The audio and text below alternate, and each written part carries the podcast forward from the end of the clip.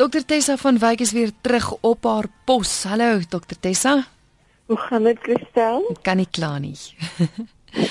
ons gesels vanaand oor angs na 'n traumatiese ondervinding. Voordat ons begin met die eerste paar vrae, wil ek tog net vir jou as luisteraar nooi om asseblief saam te gesels. Die program is juis vir jou. Dis vir enige vrae wat jy het. Jy is welkom om vir Dr Tessa te kontak. Jy kan dit op drie maniere doen. Jy kan of 'n SMS stuur. Dis 3343 dis die nommer waarheen jy jou SMS kan stuur en dit gaan jou R1.50 kos. Ek moet sê ons e-pos in die ateljee werk nie vanaand nie, maar jy's welkom om 'n e-pos na my e-posadres te stuur. Dis kristel@rsg.co.za kristel@rsg.co.za of jy kan natuurlik skakel ateljee toe 089 1104553. Dis 089 0891104553. Angs. Ek is seker vir elke persoon is angs iets anders. Is daar 'n definisie vir wat angs is, Dr Tessa? Angs is eh, ek is dit wat jy nou gesê het, is jy baie reg oor. Angs is vir elkeen iets anderster.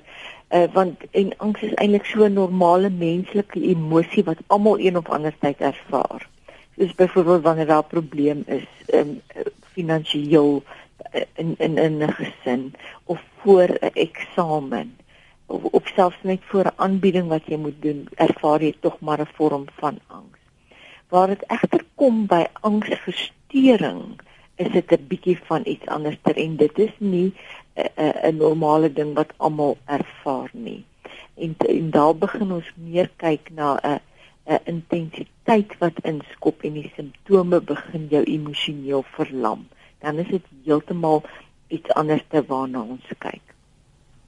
Nou, uh, angsversteuring is is letterlik episodes van intense vrees, maar dit is 'n onrealistiese vrees, onrealistiese bekommernis.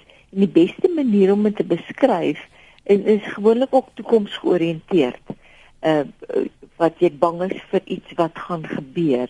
Die beste manier om dit te beskryf is wanneer jy 'n slang of 'n geweer of iets sien, hmm. gaan daar 'n alarmpie in jou brein af en wat vir jou boodskap bestuur van hier is gevaar en dan gaan jy in die vegvlug of of reaksie in en jy ervaar partykeer angs. Nou wat met angsversteuring gebeur, daardie alarm gaan af sonder dat daar 'n slang of 'n geweer of enige vorm van gevaar is. En dit is die chemiese wanbalans in jou brein wat dit veroorsaak en dit maak dat dit nie elke persoon is wat 'n uh, 'n uh, dis nie 'n gewone angs nie. Uh, nie elke persoon het 'n angsversteuring nie, alhoewel dit normaal is vir elke persoon om ergens in sy lewe wel 'n gevoel of 'n emosie van angs tydens 'n situasie te ervaar. Nou ons praat nou spesifiek vanaand oor angs na 'n traumatiese ondervinding. Is dit altyd 'n traumatiese ondervinding wat wat wat angs daai sneller voor is of of wat is die oorsake van angs? Nee, da dit is 'n traumatiese ondervinding. Uh, en definitief angs is een van die die uh, direkte gevolge saam met die vrees, maar dit is die realistiese angs van ek is bang hulle gaan terugkom of ek is bang hulle doen dit weer aan my. Ons het uh, vorige keer gepraat oor plaasaanvalle. As jy so iets ervaar en jy jy dan angs om terug te gaan na jou huis toe om weer alleen te slaap. So dit is baie baie normaal. Wat egter gebeur wanneer jy jou trauma onderdruk en jy jy verwerk dit nie en jy uh behandel dit nie kan dit oorgaan na 'n ernstige gemoedversteuring en ook 'n angsversteuring toe. So die onderdrukte drukte ehm um, trauma kan oorgaan na na na ernstige angs. So dan is daar ander tipes oorsake, uh, byvoorbeeld 'n gesinsagtergrond van angs waar die waar die ma byvoorbeeld uh, deur 'n baie moeilike swangerskap gegaan het en baie angs ervaar het. Uh, dan sal die kind met angs gebore word as jy baie hoë vlakke van stres vir 'n baie lang tydperk ervaar, kan dit 'n chemiese wanbalans veroorsaak in jou brein as gevolg van 'n oorafskeiding van kortisol en dan uh, gebeur dit dat jy éventueel oorgaan na angs toe. 'n Lae selfbeeld kan vir jou in angssituasies sit. Uh, jou vermoë of jou onvermoë om jou emosies uit te druk. So jy sukkel om dit uit te druk en dit maak dat jy verskriklik angstig raak in binne in sekere situasies. Wanneer mense angs het, Christel, is dit baie belangrik uh, wat ek net so 'n bietjie wil verduidelik. Dit is 'n intense nie net vrees nie, maar 'n intense gevoel van ek is emosioneel onveilig. Ek ek is nie geanker in 'n vorm van liefde nie. So, nou wil ek net bietjie wetenskaplik gaan. Ons het 'n 'n 'n diagnostiese kriteria wat ons gewoonlik volg. Ons noem dit DSM-4. En daar is verskillende vorms van angsversteurings. Dit is amper subverdelings wat hulle vir ons gee. Byvoorbeeld posttraumatiese stresdisorder, dis wanneer jy jou emosie of jou trauma onderdruk, dan sal sekere fobies wat jy het, soos 'n sosiale fobie. Dan is dit OCD, obsessiewe kompulsiewe versteurings. Dis daardie mense, ehm um, ek probeer nou dink aan 'n televisieprogram, The Monk of Monk, so, ja. wat die hele tyd sy hande was. Mm. En dan natuurlik die algemene angsversteuring. So daar's baie variasies van hierdie hierdie angs ook. Maar ja, om terug te kom na jou vraag, trauma speel 'n verskriklike groot rol in in in 'n angs. Hier is 'n SMS van Katie wat sê hou angs verband met kompulsiewe gedrag en lei dit tot vergeetachtigheid. Ek dink jy die eerste deel van die vraag beantwoord en sê dit is deel van kompulsiewe gedrag, maar kan dit lei tot vergeetachtigheid? Weet jy wat dit kan dit kan nogal wat gebeur wat baie keer gebeur wanneer jy onder baie hoë stresvlakke is of baie baie angs ervaar uh kortisol is is die streshormoon wat afgeskei word en wanneer daar 'n oorafskeiding van kortisol is, uh, is dit veroorsaak dit letterlik 'n kortsluiting in jou brein. En dan maak dit dat daar sekere inligting is wat jy vergeet. Uh dit kan ook wees as gevolg van heeltemal te veel vrees wat jy het, daai alarmpie met ander woorde gaan te vinnig en te veel kere af, kan dit ook wees dat daar sekere inligting is wat jy net een kant toe skuif. Mense sal ook vir my sê dat uh, ek kan nie onthou waar ek my selfoon neersit nie, klein goedertjies. Ek kan nie onthou waar die kar se sleutel is nie of ek sal winkel toe stap uh, om brood te gaan koop en dan kom ek met sjokolade. Dit doen ek daagliks, maar dan kom ek met sjokolade of iets anders terug wat ek nie wat ek net vergeet het wat hmm. aangaan en dit kan definitief te doen het met angs. Kom ons kyk ons het 'n uh, oproep. RSG goeienaand. 'n uh, Goeienaand.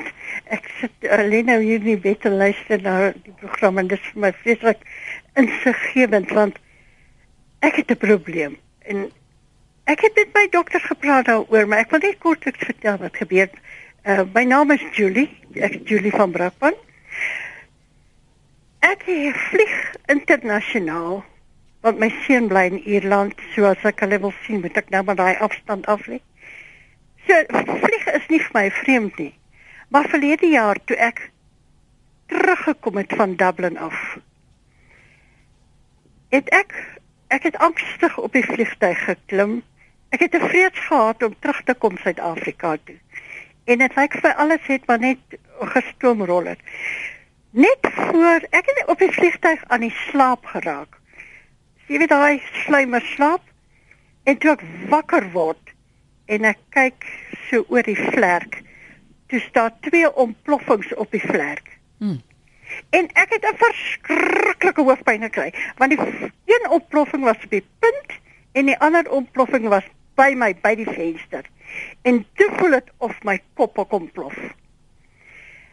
Hulle het my in Abu Dhabi in 'n kliniek op die lughawe uh, opgeneem toe uh, vir voorlopige ondersoek en so aan deur die deur die uh uh, uh lughawe se geneesheer. En dit sê nee, alles is normaal, bloeddruk normaal, hart normaal. Ek was baie bly daaroor want ek was bang ek kry beroerte. En dit sê nou, it is anxiety Ja, dit is angs, nê. Nee. Mm. Dit het my vir 2 dae in die hotel gesit dat ek kan rus. Maar net met pynstillers vir my kop. En ek het toe teruggevlieg toe nou verder Johannesburg toe. Maar nou snaaks vandat ek terug is by die huis nou, dis nou 'n jaar. Ek hou nie daarvan om uit te gaan nie by my hek van die huis uit te gaan nie. Ek hou nie daarvan om winkels of winkelsentrums te gaan nie. Ek hou nie daarvan eintlik om met mense te gaan kuier nie. Om waar te sê ek hou niks daarvan nie. Ek sal hulle skakel, maar dit is al. Ek sny my so half half af. Ek praat met die kinders op Skype en dit is hoe ver ek kom.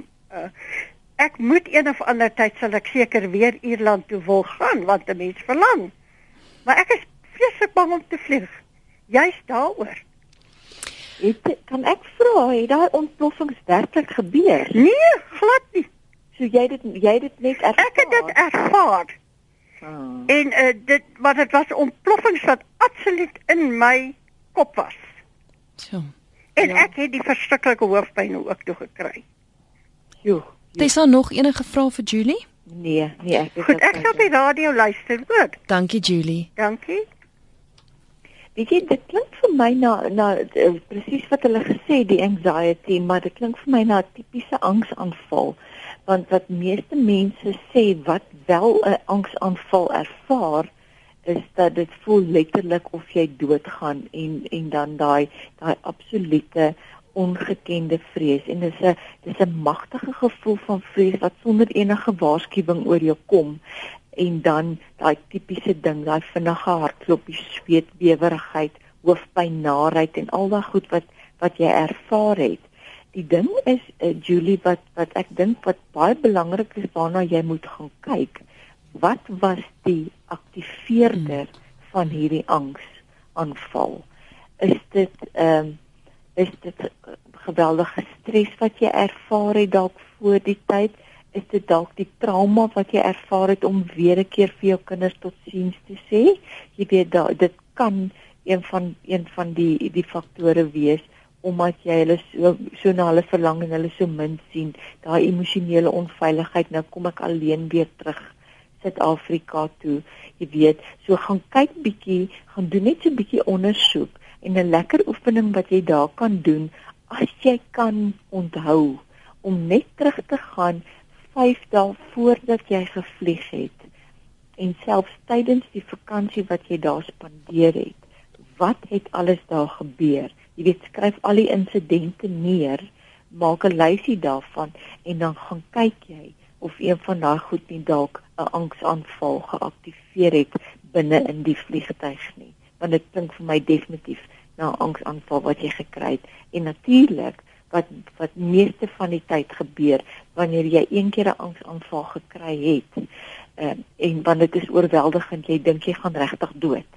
Ehm um, het dit sekere gevolge en een van die gevolge wat wat wat by jou ingeskop het is daardie vrees vir mense of amper 'n sosiale onttrekking of sosiale fobie wat jy nou ontwikkel het wat uh, wat die gevolg is van dit want mense is ook bang dit gebeur weer mm. wanneer jy tussen mense is.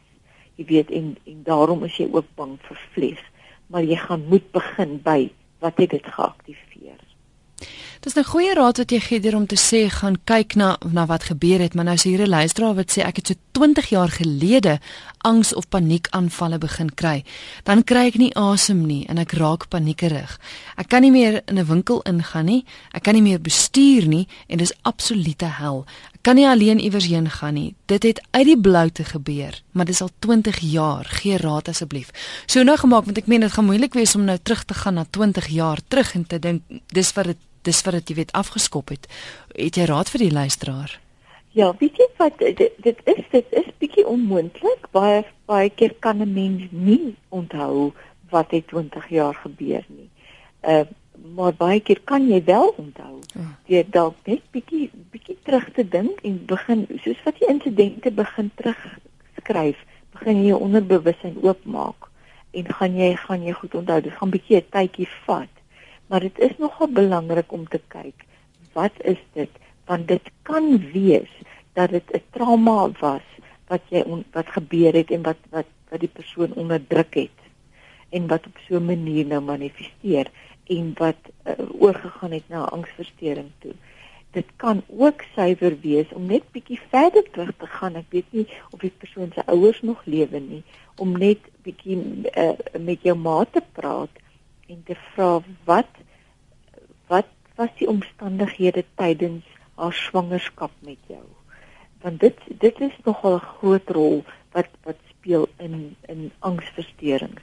Want wat baie keer gebeur Christel, die ma ervaar angs of daar's huweliksprobleme tydens swangerskap of daar's 'n dreigende miskraam wat angs by die ma skep. Mm. En jy in die baarmoeder ervaar daai angs. So jy word onderliggend met angs gebore. En dan gebeur dit dat daar 'n insident in jou lewe, 'n trauma, dit hoef nie eers 'n groot trauma te wees nie. Aktiveer dan daardie trauma wat ag daardie angs wat in elk geval onderliggend by jou gelê het. Aktiveer dit dan en dan gaan hy oor na angsversteuring toe wat jy vir die res van jou lewe moet bestuur. Want die angsversteuring het 'n chemiese wanbalans veroorsaak en dit is dan die beste om eintlik dan eh uh, te gaan na 'n psigiater toe om die angsversteuring uh, te diagnoseer en dan die regte medikasie vir jou te gee om jou chemiese balans reg te kry want dit is die beste manier om hom te bestuur. Jy is ingeskakel hier op RSG 100 tot 104 FM. Jy luister na Geestesgesondheid. My gas is Dr Tessa van Wyk, sy is 'n traumatoloog en ons tema vanaand is angs na 'n traumatiese ondervinding. Jy kan jou SMS stuur na 3343. Dit kos jou R1.50. Jy kan skakel ateljee toe 089 0891104553 of jy kan 'n e-pos stuur na kristel@rsg.co.za. Jy het nou genoem dokter Tessa dat dit 'n angswekkende ding is om angsaanvalle te kry. Hier's 'n luisteraar wat sê angsaanvalle is verseker nie 'n grap nie. Ek het 'n paar jaar gelede na 'n traumatiese gebeurtenis simptome soos van 'n dreigende hartaanval gekry. Borspyn, kort asem, naait, pyn in die linkerarm, klemmende pyn in die linkerkaak en 'n gedurende alles oorheersende gevoel van absolute paniek dag en nag. Ek is in die harteenheid opgeneem en 3 dae van toetse en 'n vetrekening later hoor ek dis maar net angsaanvalle. Genadiglik het dit na 'n paar weke opgehou, maar dit was 'n nare skrikwekkende ervaring wat ek niemand toewens nie. Sjoe, daar hoor mens dit nou, dit soos dit voel soos 'n dreigende hartaanval. Ja, Ja, mense baie mense sal vir my ook sê dit, dit voel vir hulle op 'n oomblik hulle hulle is besig om dood te gaan. Baie voel ook hulle verstik. Baie kry ook gevoel van hulle word gewurg, daai kort van asem, naait en dan natuurlik vererger die hele situasie van daar's daai vrees van ek gaan beheer verloor en dan natuurlik ook ek ek is besig om heeltemal dood te gaan. Die ergste van van dit is nadat jy weer so ondervinding is en ek hoor die persoon sê dis toe hoor hy dis maar net angs. Jy weet, is dis nie net angs nie. Angs is 'n verskriklike ernstige ding. Wat soveel mense hulle praat, begin op besig praat van is die moderne siekte. Wat soveel mense ervaar kristel dat dit eintlik skokkend is mm. om as jy hoor hoeveel mense sit werklik met angs as 'n probleem. Eh, so, so dis dis dis iets waarna jy baie moet gaan kyk veral as jy al reeds 'n angsaanval gekry het want wat dan inskop is ehm um, die vrees dat dit weer gaan gebeur en waar gaan dit weer gebeur? Tussen mense tussen mense wat my ken jy weet en dan daardie gevoel van skaamte. En dan jy weet moet ons op partykeer kyk baie keer besef ons nie iets is angs of iets is ernstig nie. Maar daai daai borspyne wat wat hy van gepraat het. Daardie uh bang om in 'n plek vasgevang te word, vrees vir die dood, vrees vir siekte, want 'n baie ernstige angsversteuring sal ook uh elke siekte wat iemand anders te noem. Mm. Uh dink hulle hulle het ook. En dan gaan hulle in 'n ontsettende angs in van uh en selfs elke keer gaan hulle dokter toe en ehm um, sê maar wie jy, jy moet vir my nou toets. Ek is oortuig daarvan. Ek is 'n diabetes. Want dan hulle gehoor iemand praat daarvan. En hulle is werklik oortuig van dan daarvan. Verstaan? So enige iets gryp hulle na amper half as om ons soek 'n diagnose. Moet net nie vir my sê dis net angs mm, mm. gee vir my eerder 'n siekte dis vir my makliker om om dit te hanteer. En ek het nogal baie begrip daarvoor want want angs is iets is iets verskriklik moeilik om te verstaan. Jy ervaar dit binne in jou so intens maar die mense buite kan nie mm. dink mm. van maar hoekom is hierdie ou nou angstig? Jy weet stop dit net. Of dink net aan iets anders maar dit is nie so maklik nie. Dis een van daai vele geestesgesondheidsiektes wat niemand verstaan nie ja, ja en wat jy ongelukkig vir die res van jou lewe moet mm. bestuur Ons kyk, ons het nog 'n oproep. RS, o, oh, daar verdwyn nou nou net. Ek het 'n SMS gekry van 'n 21-jarige student. Ek is 'n derdejaars student. Ek is bang vir ontsettend baie dinge. Ek is bang vir bestuur en ek het 'n vrees vir huisbraak en ek het die geneigtheid om altyd die ergste in enige situasie te sien. Ek dink heeltyd, okay, dis hoe ek gaan doodgaan. Ek weet wat die oorsake is van hierdie vrese en ek weet my maat angs gehad. Ek is amper seker ek het ook angs. Is dit te laat om voorkome te herstel? Nee, nee, dis glad nooit te laat nie. Ehm um, en ek sal nogal baie sterk aan aanbeveel veral as jy mediese fonds het om regtig na 'n goeie psigiater toe te gaan. Uh, jy kan na 'n mediese dokter toe ook gaan en net vra vir 'n angsafweerdertjie is 'n ligte angsafweerdertjie net om dit makliker vir jou te maak want jy kry vir niks swaar of as dit erger word definitief gaan kyk dat 'n psigiater vir jou 'n uh, ordentlike medikasie voorskryf. Dit is ongelukkig. Onthou dit gaan oor 'n chemiese wanbalans. Mense besef dit nie. Dit is nie net 'n ding wat gebeur en dan uh, oor 3 dae gaan dit verby nie. En dit is wat die verskil wat ek julle in die begin gegee het. Dit is 'n normale angs van as die angs gaan verby as die eksamen verby is, maar hierdie angsversteuring en veral omdat ehm um, dit van ma se kant af ook kom. Jy weet, is dit 'n baie ernstige ding. So dis nooit nooit te laat om te gaan nie. Hoe gouer jy gaan, hoe makliker gaan jy jou lewe vir jouself maak. Maar jy gaan ongelukkig moet na 'n dokter gaan. Mm. RSG goeienaand. Dankie, Stel. Ja, jy's op die lug, gesels gerus. O, o Jan Erlis.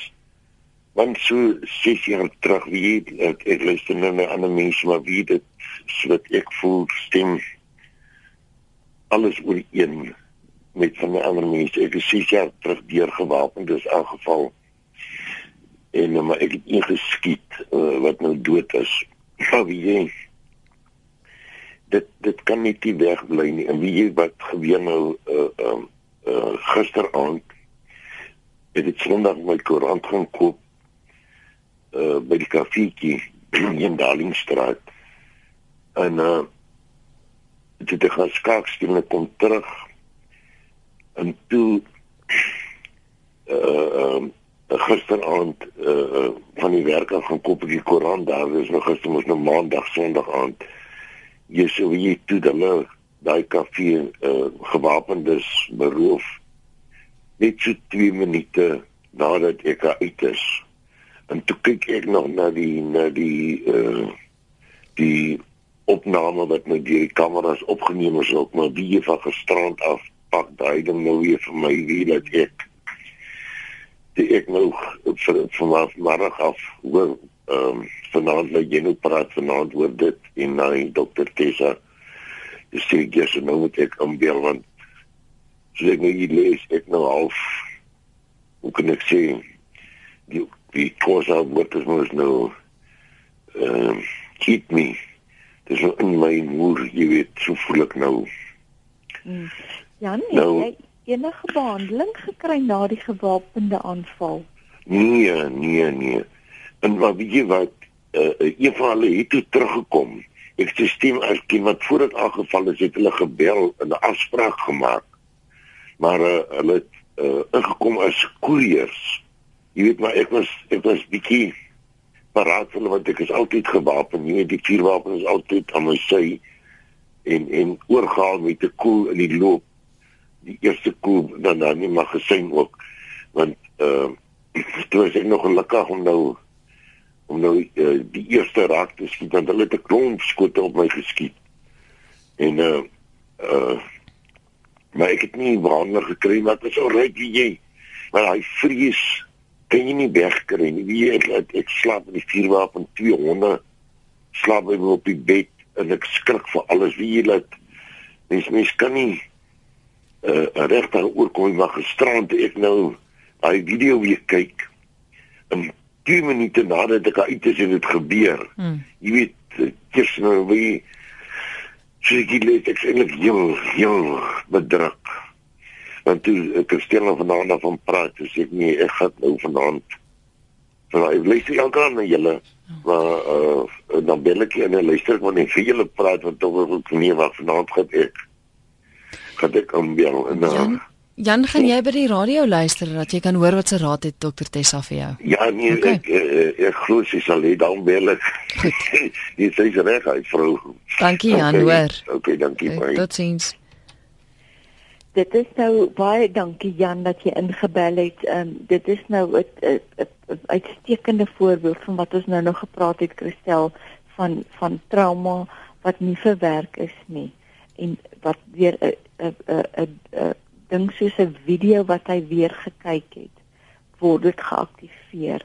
Party mense reuke, klanke, geluide kan ou trauma aktiveer en dan gaan hy dadelik oor in daai vrees en in daai angs in. En daarom is dit belangrik Jan om om jy moet daar die eerste trauma van die gewapende aanval moet jy gaan deurwerk en verwerk. So dit is verskriklik belangrik. Da, daar is sekere prosesse, ek weet nie of jy toegang het tot 'n uh, traumatoloog of 'n uh, sielkundige in in julle dorp nie. Maar as jy nie het nie, is daar nog al 'n proses wat jy self kan doen wat jy ehm um, van hierdie goed kan ontsla raak. Nou die hele beginsel, ek gaan dit baie vinnig vir jou verduidelik. Die hele beginsel gaan oor herhaling, veral omdat die trauma vassit in jou onderbewussyn.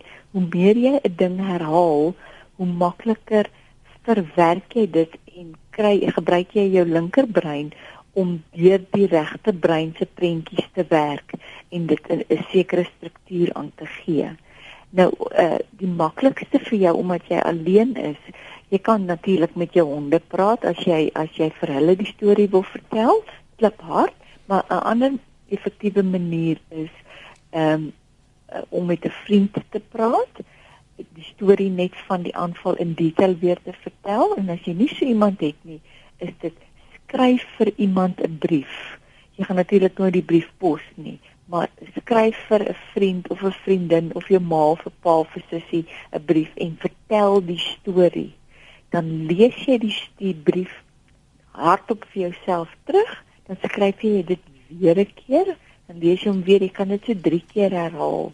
Dit is ongelooflik hoe meer jy die storie vertel en hardop teruglees vir jouself en dit weer vertel op so 'n manier werk jou onderbewussyn dit uit jou stelsel uit en raak jy ontslaaf van daai emosie en dit gaan jou angsvlakke ehm um, baie baie uh, verlig. D dit is belangrik dat jy dit moet doen want onthou hierdie aanval in by die kafeetjie waar jy die koerant gekoop het was 'n aktiveerder en dit sê vir jou Jan hierdie trauma wat jy ervaar het van die gewapende aanval wil ek uit my stelsel uitkry. So jou jou jou jou liggaam het gereageer op 'n aktiveerder. So jy moet dit nie weer gaan onderdruk nie, want dan gaan jy die angs 100 maal erger maak. Eh want dit is nou na die oppervlakte toe gebring, so jy moet dit gaan uitspoeg en skryf hy briewe. Eh en en ehm um, dat weet vir my Ek weet nie of jy toegang het tot tot e-mail nie, maar jy kan gerus my e-mail ook skryf. As jy vashak, dan kan ek via e-mail dit verder vir jou deurwerk. Hier's 'n SMS van 'n luisteraar wat sê ek is nou 38 jaar oud en ek kry baie nagmerries. Ek is al bang om te gaan slaap. Is dit ook deel van angs? Ja, nagmerrie is 'n interessante ding. Dis net net so goed soos 'n 'n 'n terugflits wat mense kry. 'n Nagmerrie is gewoonlik wanneer jy 'n trauma veral as dit as dit so gereeld gebeur. Uh wanneer jy 'n trauma ervaar, wat ek vorige keer ook al verduidelik het, jou regte brein neem prentjies van hierdie trauma en dan sekere van daai prentjies hak vas in jou regte brein. En dan wil jou stelsel, onthou jou onderbewussyn, een van jou eienskappe van jou onderbewussyn kristel is om te genees. So jou stelsel sal gaan kort kort vir jou half sulke boodskappe stuur van raak ontslaaf van hierdie ding, raak ontslaaf van hierdie ding. Ek soek nie hierdie pyn in my in my stelsel nie. Ehm um, en 'n nagmerrie is vir jou 'n aanduiding dat daar 'n prentjie van iets wat jou seer gemaak het of 'n trauma wat jy ervaar het vashak in jou in jou uh, regte brein en in jou onderbewussyn en en jou stelsel wil van dit ontslaa raak. Die beste manier om 'n nagmerrie te hanteer is wanneer jy wakker word van 'n nagmerrie om dadelik 'n pen en papier te te, te gryp en te begin skryf oor waaroor het jy gedroom skryf die nagmerrie neer. Al doen jy dit elke liewe aand en lees dit kliphard. Na omtrent 2 weke wat jy dit neerskryf, kyk of daar 'n patroon is in jou nagmerries. Is daar 'n gemeenskaplike boodskap of 'n tema? En dit gaan vir jou 'n aanduiding gee van watter prentjie met vergelyk met watter trauma het vasgesit en dan moet jy dieselfde pro uh, proses deurgaan wat ek nou vir Jan verduidelik het want jy onthou jy moet nou ontslaa raak van hierdie trauma. Dan moet jy gaan en gaan of praat met iemand daaroor vertel die storie vir iemand. Ehm um, daar is daar is vier F's en ek gaan dit gou-gou in Engels sê wat ek wat die model makliker maak. Die eerste een is facts vertel die feite oor praat oor die storie en dan vertel jy die feite wat gebeur het. Die tweede is feelings, vertel die storie met wat is die emosie wat jy ervaar het terwyl die trauma met jou gebeur het. Soos in Jan se geval die gewapende ding. Die die derde een is forgiveness.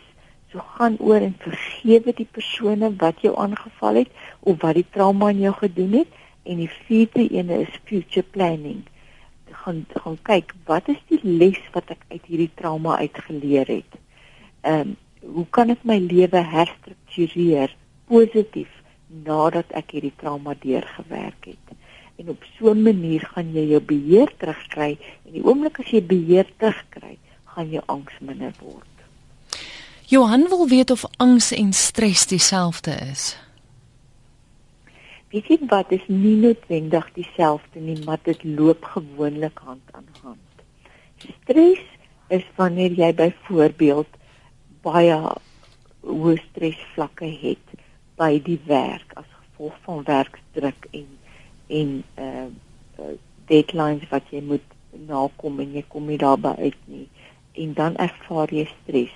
Of jy jou finansiële situasie is in so toestand dat jy nie al jou goedjies kan betaal elke maand nie, dan ervaar jy stres. Nou te veel stres kan lei na ernstige angsversteurings toe. Want onthou die oomblik as jy stres, skei jy kortisol af, die streshormoon. En dit kan 'n chemiese as jy te veel afskei, kan dit 'n chemiese wanbalans veroorsaak en dit kan lei na angsversteuring. So daar is 'n verskil, maar dit is baie keer gekoppel aan mekaar. Die een een lyn na die ander. Hier is nou 'n SMS ehm um, wat ek nie net weer seker is of dit heeltemal verband hou met vanaand nie, maar ek gaan dit vir jou lees want ek is bekommerd. Ehm um, die persoon sê ek het alles in plek vir selfmoord, maar my kleinkind trou in Desember. Moet ek wag tot dan of uh, na die troue of moet ek dit oorkry en verbykry? Niks sal my nou meer keer nie. Ek het uh, niks wat die moeite werd is nie. Daar's niemand om voor te lewe nie. Ja. Dit is 'n uh, ek is baie bly jy het dit gelees. Dankie Christel. Dit is 'n 'n verskriklike interessante ding hierdie selfmoord en ek gaan vandag ek hoop ons het tyd dat ek dit vandag kan verduidelik waaroor gaan selfbeeld. in in elke een se onderbewussyn het ons twee leers. Die leer van die lewe en die leer van die dood. Elke mens het dit. En daardie leer wat jy voed. Sê nou maar 'n trauma gebeur met jou of jy gaan deur 'n egskeiding of jy gaan deur 'n bankrotskap of iets wat sleg is. Dan begin jy met 'n gedagte van ag, is nie meer nie moeite werd vir om te leef nie. En later dink jy ag, ek wil nie meer aan so aangaan nie. Ag, is nie meer vir my lekker hier nie. Elke keer as jy daai gedagte dink, versterk jy die leer van die dood. En later kom jy by 'n plek wat dood word jou jou redder ehm um, hulle in Engels sê hulle death becomes your savior. So dood word vir jou die enigste opsie eventueel om uit hierdie ehm um, selfs mense wat ernstige angs ervaar, eh uh, wil wil doodgaan net om van hierdie gevoel en hierdie ding wat my jaag hier binne in my ontslae te raak. Hulle baie praat van die monster wat my jaag. So dood word dan 'n uitkoms vir jou om van dit ontslae te raak. En dit is in 'n sekere plek is dit 'n uitkoms van dan is jy ontslaaf van al hierdie goedertjies. Maar dit daar is 'n ander manier ook. En daar is plekke waar jy kan op 'n ander plek uitkoms gee aan al hierdie goed en sê oké, okay, ek gaan 'n keuse maak en sê ek kies eerder die lewe bo die dood. Om al weet dit sonder emosie want wat jy dan begin doen elke keer wanneer jy sê ek kies die lewe bo die dood begin jy belê in die leer van die lewe en daar's 'n ou daai ou storie ek het dit al 'n paar keer vertel van die die die oom en die seentjie wat geloop het en die sien oom wat vir die seentjie sê van daar's twee wolwe in elkeen hmm. van ons die wolf van ehm uh, ehm uh, ehm um, ag good and evil. Ek nou kan ek nou weer Afrikaans kom nie. Sleg en goed. En hulle baklei elke dag met mekaar. Toe vra die seentjie vir die oom nou, oom, watter wol wen? Toe sê hy die een wat jy die meeste kos gee. En dis op hierdie selfde vlak omdat jy te lank kos gegee het vir dood is my enigste uitkoms. Glo jy dit nou al? En dan het dit vir in jou per in volgens jou persepsie het dit geword.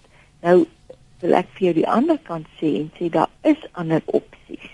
Maar jy gaan dit moet kies en sê, weet jy, ek gaan a, ek gaan bietjie 'n toets doen en sê ek gaan die ander wolf begin kos gee. En die manier hoe jy die ander wolf en dit is die een van ek wil lewe kos gee is deur letterlik 10 keer op 'n dag kliphard vir jouself te sê al is daar nie emosie aanvanklik betrokke nie. Ek kies die lewe bo die dood. Ek wil lewe.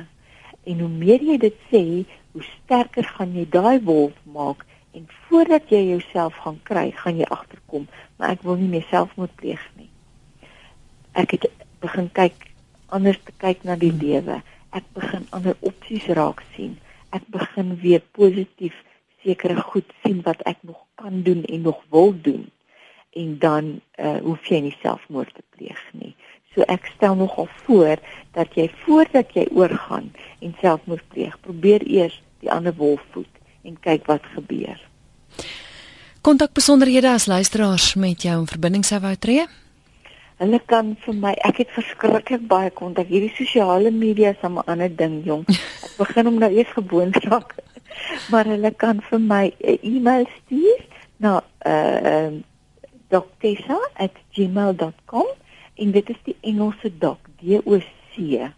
Ehm um, ek het nou die dag iemand gekry wat uh, die Afrikaanse hmm. doc gebruik het en dan skop hulle hom uit en dan kan hulle my op Twitter besoek @askdoctessa en ook op my Facebook bladsy by net doctessa. Alles is die Engelse doc.